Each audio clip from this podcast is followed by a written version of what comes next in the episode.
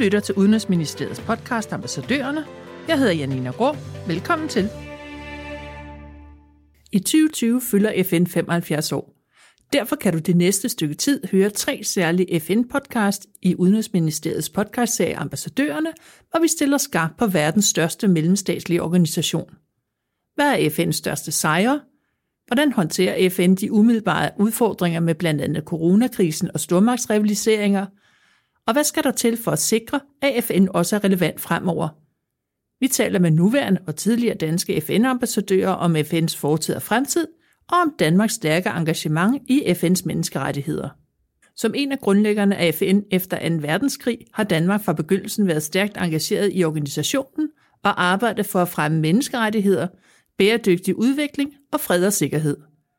Danmark har deltaget i FN's fredsbevarende missioner siden den første mission i Mellemøsten i 1948, og vi har også flere gange været medlem af FN's Sikkerhedsråd, senest i perioden 2005 og 2006. Overskriften på denne podcast, som er nummer to i serien, er FN 75 år. Hvordan klarer menneskerettighederne sig? Deltagerne er Morten Jespersen, FN-ambassadør i Genève, og ambassadør i Australien, Pernille Daler Kartel, der begge i lange perioder har arbejdet med FN. Velkommen til jer begge to. Tak. tak. Inden vi starter med at tale om, hvordan det står til med menneskerettighederne, kunne jeg godt tænke mig at høre jer begge to, hvilke tre ord I synes beskriver FN, som organisationen ser ud i dag. Altså hvis jeg øh, skal starte, så synes jeg, at, øh, at man kan sige, at FN er er udfordret. Det handler om opbakningen til multilateralismen, som, som, øh, som nok øh, er vigende. Og så synes jeg i høj grad, at FN er undervurderet, og, øh, og det håber jeg, vi får mulighed for at, at komme ind på. Det spiller en langt vigtigere rolle, end, end, end rigtig mange af os går og tror. Og så vil jeg sige, at FN øh, i høj grad er uundværlig, øh, og det skyldes, at at det er det eneste forum, der er, hvor alle lande kan tale sammen, og det skal selvfølgelig arbejde for at styrke og bevare. Og Pernille? Ja, mine ord, de er sådan inspireret lidt, lidt fra, fra, fra min tid i felten, og det jeg tænker på, det er, at FN er relevant, at FN, jeg er enig med Morten i, at det er udfordret, øh, og så også noget om afmægtighed. Altså at FN har en hel masse og alligevel ingenting, øh, og det kommer vi til at snakke mere om. Ikke? Så et ord som afmægtighed er også et, som sådan kommer til, til hos mig. FN's menneskerettighedserklæring blev vedtaget i 1948, tre år efter afslutningen på 2. verdenskrig. Den er i dag uden sammenligning den vigtigste erklæring for menneskerettighedsområdet. Men hvilken betydning har det rent konkret haft for befolkningerne i verdens lande, at menneskerettighederne på linje med blandt andet fred og sikkerhed blev et af de helt centrale arbejdsområder i FN? Altså jeg vil godt byde ind med, at man kan ikke se menneskerettighederne isoleret set, ligesom man heller ikke kan se, se, øh, se øh, øh øh, FN's øh, andet store formål, bæredygtig udvikling, øh, isoleret, og heller ikke fred og sikkerhed isoleret. De tre er på en eller anden måde øh, bundet sammen og, øh, og koblet til hinanden.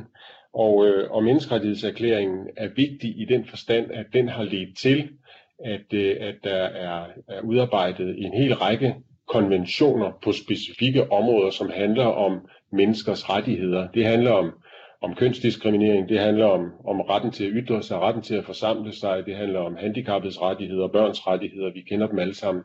Så på den måde øh, har menneskerettighedserklæringen været grundlag for, at man på en hel række områder har lavet konventioner, som beskriver, hvad der er, er, er, er generelt gyldig regelretning på området. Om det så overholdes af alle, det er jo der, hvor, hvor vi er udfordret løbende, men i hvert fald har vi en ramme, vi arbejder for, og den kobler fint til bæredygtig udvikling og fred og sikkerhed. Det tror jeg, jeg, jeg tror, jeg vil supplere med at sige, fordi jeg er utrolig øh, enig med dig i, Morten. Jeg tænker, det er også noget med at sige, at øh, FN's menneskerettighedsarbejde, det, at det har sin egen søjle inden for FN, det gør, at, at selvom når menneskerettighederne er under pres, så er der stadigvæk en struktur og en ramme, hvor, hvor det her tema legitimt diskuteres hele tiden. Og uanset, hvad, uanset hvordan og hvorledes og hvor langt man kommer.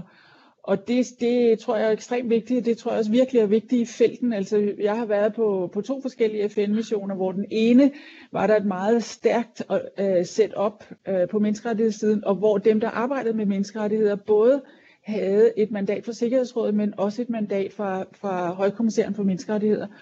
Og det gjorde, at der var, der var, øh, der var uafhængighed og fokus på menneskerettighedsarbejdet som en del af fredsarbejdet også, men også som en uafhængig del. Altså det vil sige, at når det var, at menneskerettighederne var under pres på grund af, og hele menneskerettighedsdiskussionen kom under pres på grund af eventuelle kompromiser, man måtte være gået på, på grund af, af, af nogle politiske hensyn, eller hvad det måtte have været, så var der stadigvæk et, plads, et sted, hvor at, at der var en, øh, en ramme, hvor man kunne blive ved med at diskutere menneskerettigheder i sig selv. Og det var utrolig vigtigt, for ellers tror jeg, man var kommet til at gå på nogle kompromiser, som man måske den, den i øjeblikket havde været nyttige, men på længere sigt havde været, havde været skidt. Og modsat også, når man så sidder et sted i felten, hvor der ikke er et stærkt menneskerettighedsmandat, øh, så kan man se, at menneskerettighedsdiskussionen bliver sådan ligesom bare sådan, hvad skal man sige, sovset ind i noget af alt det andet, og derfor forsvinder lidt i mængden, og det er uheldigt for det.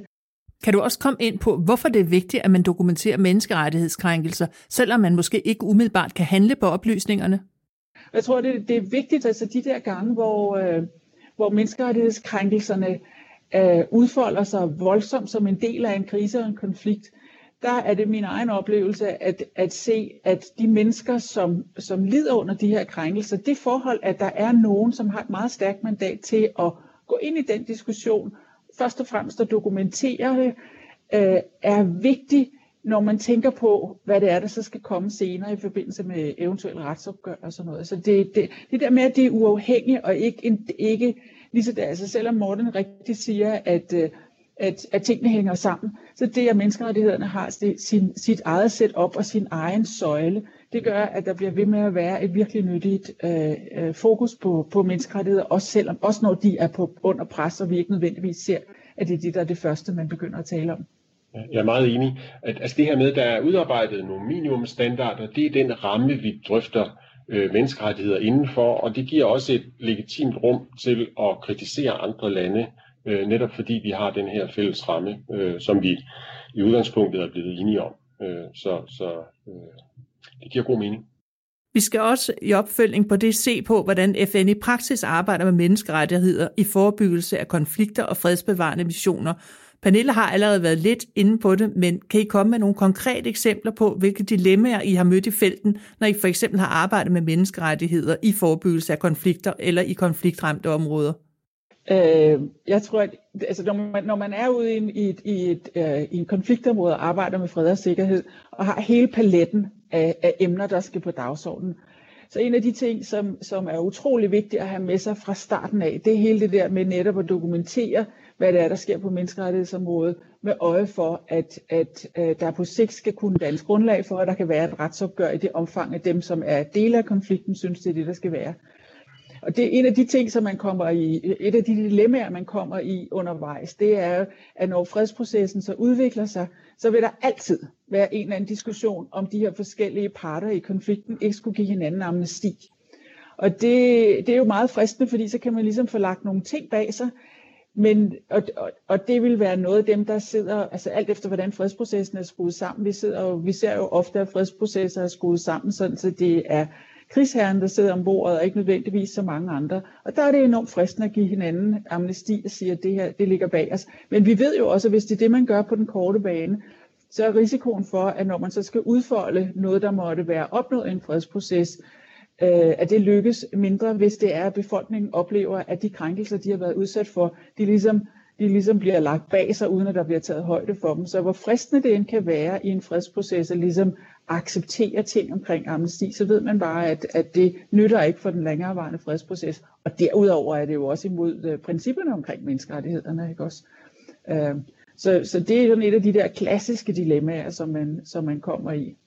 Det er klart, at, øh, at jeg er meget enig i den del, og når det kommer til øh, spørgsmålet om forebyggelse, som, som også bliver rejst her, hvad er det, der er vigtigt i, i den diskussion? Det er selvfølgelig, i hvilket omfang øh, kan stater beslutte at gribe ind i et andet land. Altså når man ser, at det er på vej ud over kanten, øh, menneskerettighedskrænkelser i, i stort omfang, hvornår beslutter det internationale samfund så, at nu er det nok, og nu griber vi ind.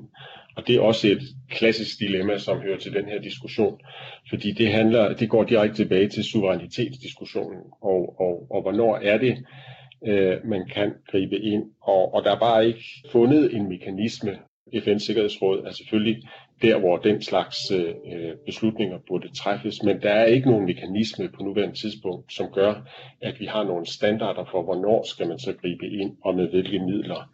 Men jeg vil sige, her er, er der også et spor i, i, i menneskerettighedslinjen i FN-systemet. FN's menneskerettighedsråd øh, for nylig besluttede vedtagelse af en resolution, som netop handler om om tidlig varsling og, øh, og forebyggelse. Og det giver nogle lidt flere muskler til øh, FN's øh, menneskerettighedskommissær i forhold til at, øh, at tage konflikter, der er på vej lidt tidligere op. Vi kender det jo altid fra pressen og civilsamfundet, når noget er på vej, men det at få det ind i det formelle internationale system, det er også meget vigtigt, og på den måde kunne lægge pres på hinanden som stater. Så, så der er øh, muligheder inden for det system også, men den egentlige muskel mangler jo. Hvad har coronapandemien betydet for menneskerettighederne verden over, og hvordan har FN reageret de steder, hvor der har været negativ udvikling? Kan I sige noget om det? Altså jeg, jeg, jeg, har, jeg har så fulgt det her fra Genève, øh, hvor vi jo har øh, FN's sundhedsorganisation, Verdenssundhedsorganisationen, WHO. Og, øh, og, øh, og, og det er klart, de har øh, fra dag 1 tilbage tidligt øh, i året givet anvisninger på, hvordan øh, lande skulle håndtere den her situation. Men, men det triste budskab øh, er jo uanset øh, FN-organisationers øh, indsats derude, at, øh, at covid-19 har gjort ondt værre. Og, og, og særligt har det gjort ondt værre for de mest skrøbelige og sårbare grupper. Altså de svageste har lidt mest, og, øh, og kommer også til det i, i tiden, der går.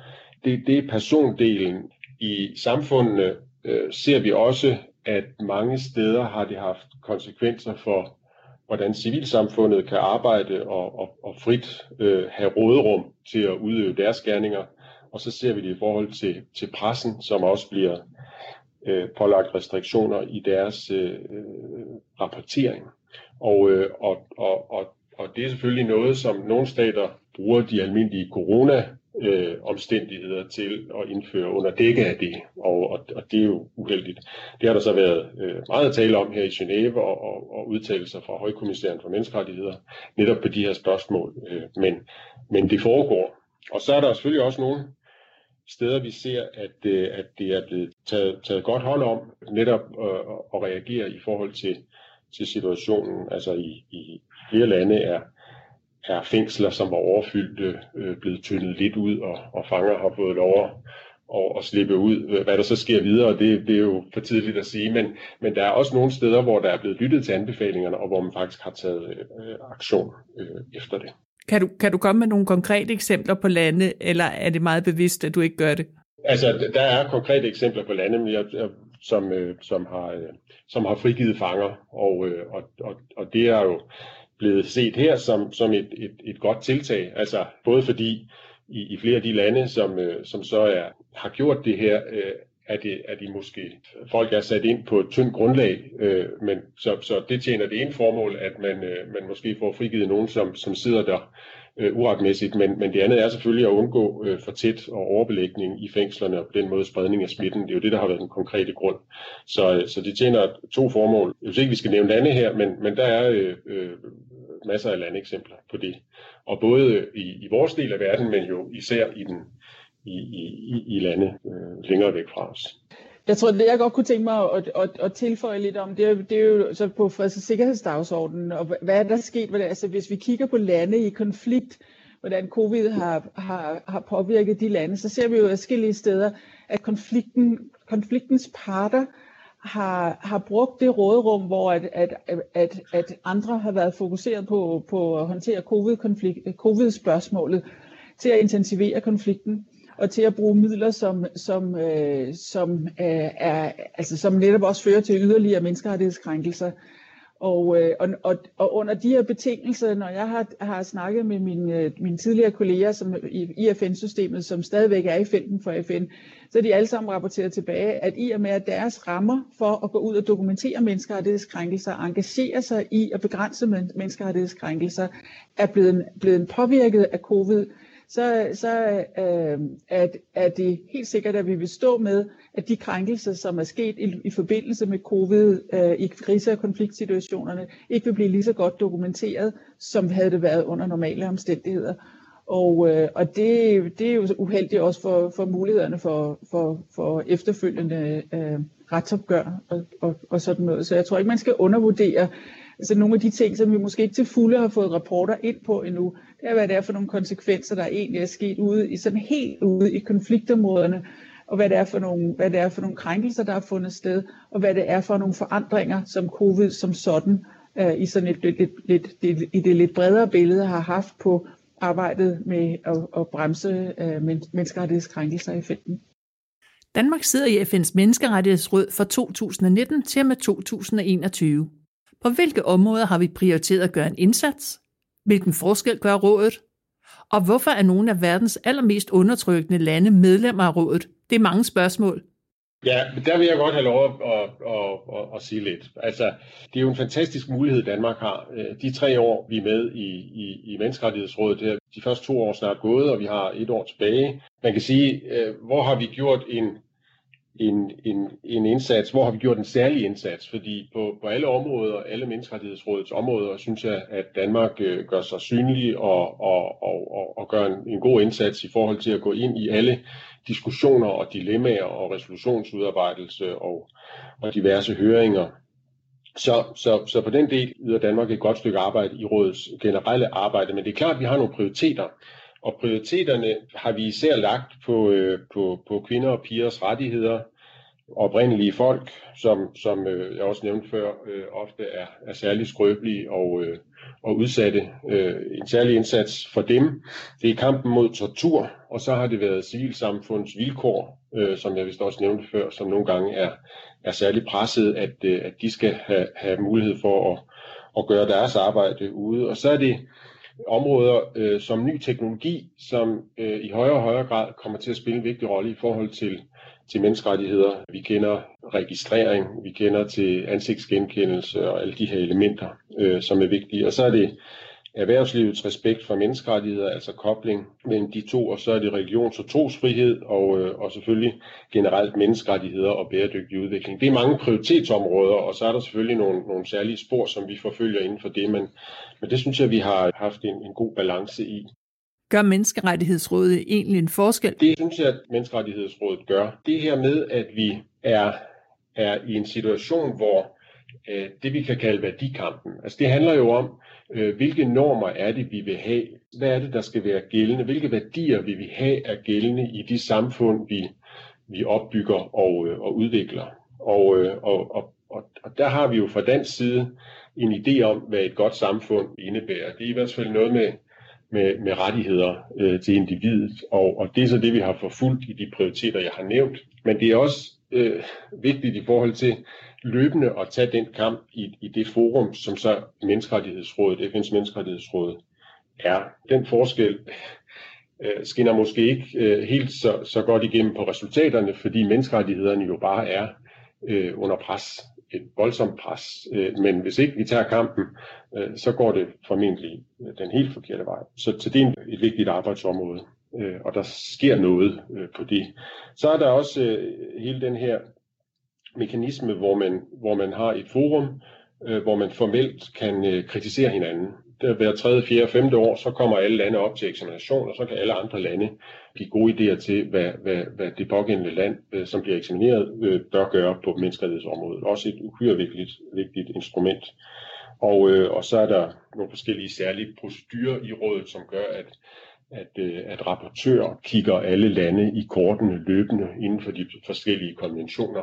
Det gælder også Danmark, og det gælder alle mulige andre lande, og det, det kommer der så en rapport ud af, og det giver os alle sammen et fundament for at kunne rette en, en fokuseret og, og balanceret og ordentlig kritik øh, på, på et godt fundament.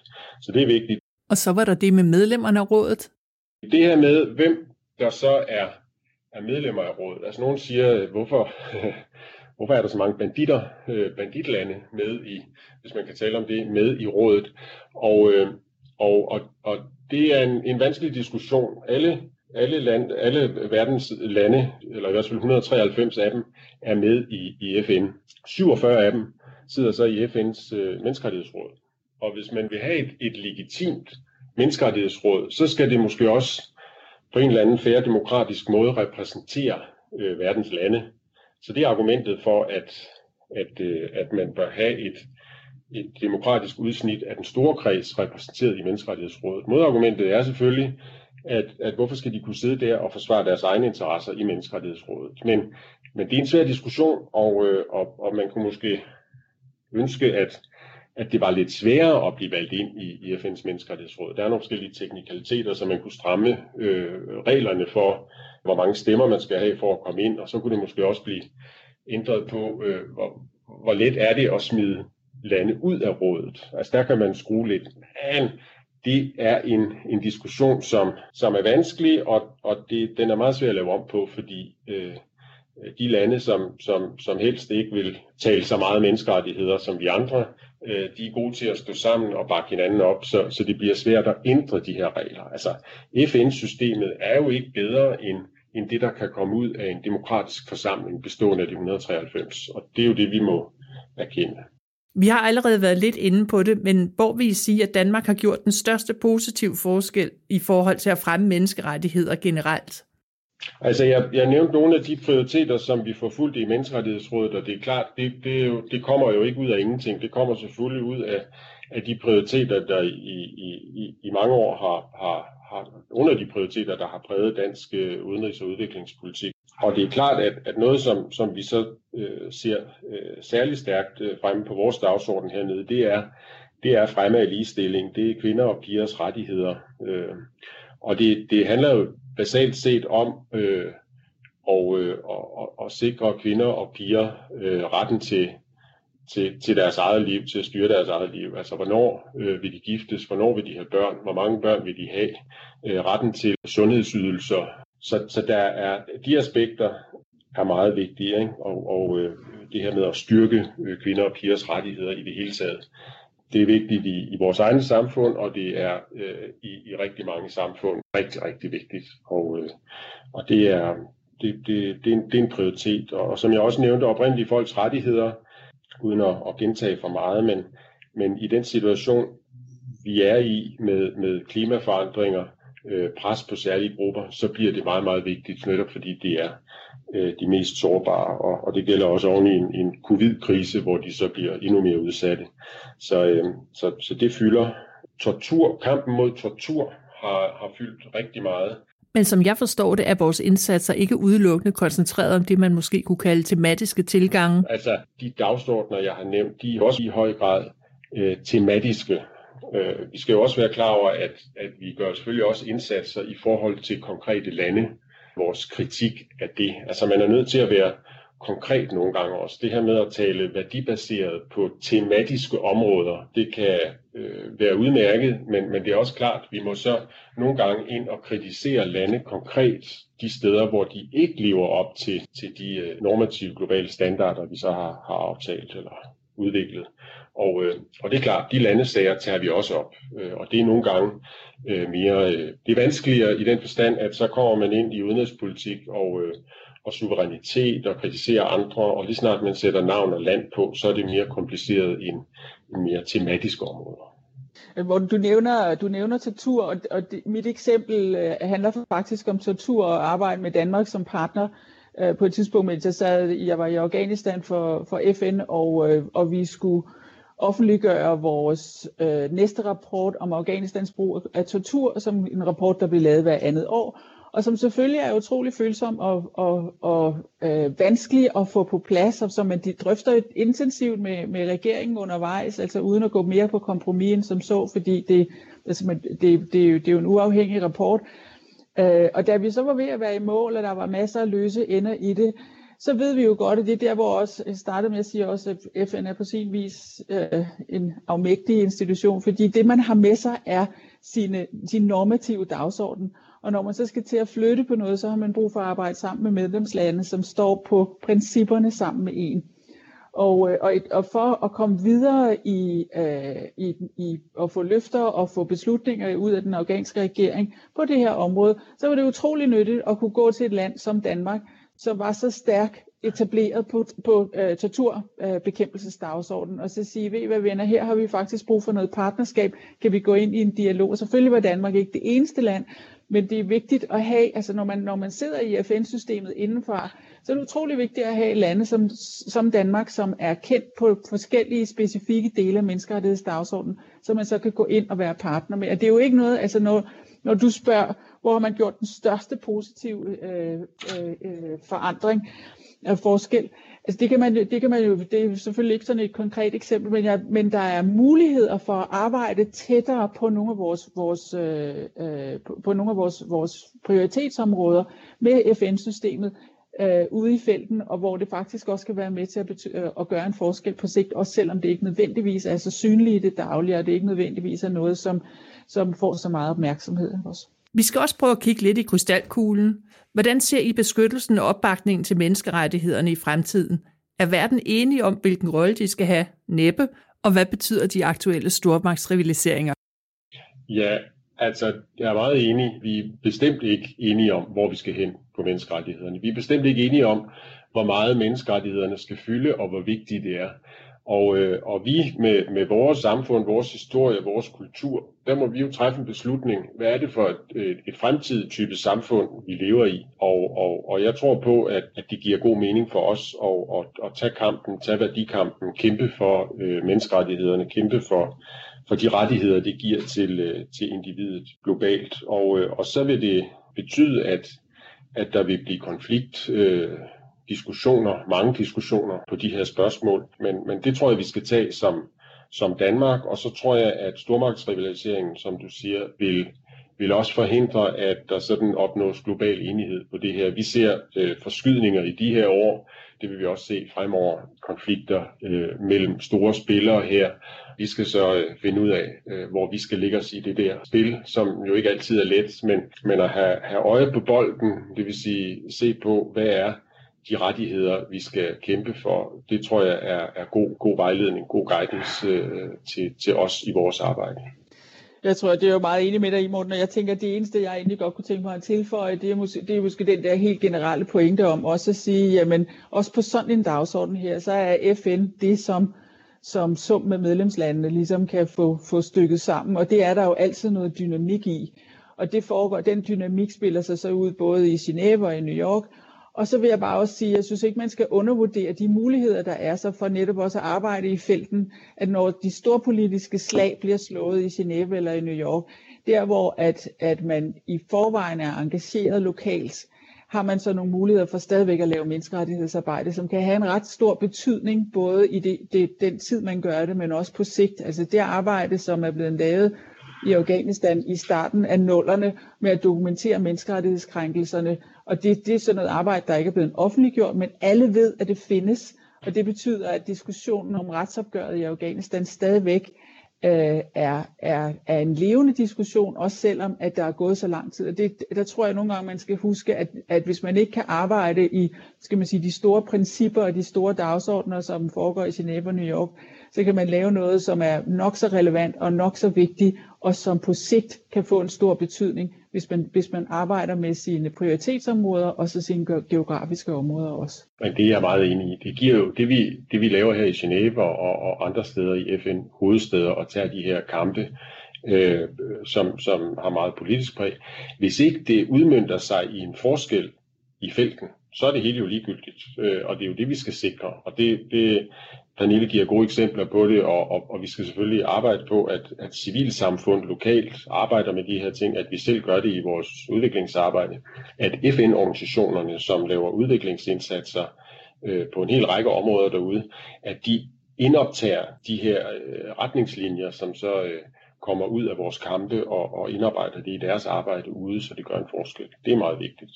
Og, og i det også netop, at, at når FN gennemgår sin budgetproces, og man, man så bemander de forskellige FN-missioner og kontorer ude omkring i verden, altså der er også et slagsmål der, som skal tages, hvor man kan, for at være, kunne være sikker på, at, at øh, uh, FN-missionerne er bemandet med den dygtigste kompetence på de her områder, også selvom det er så politisk vanskelige spørgsmål uh, i New York og i, i Genève.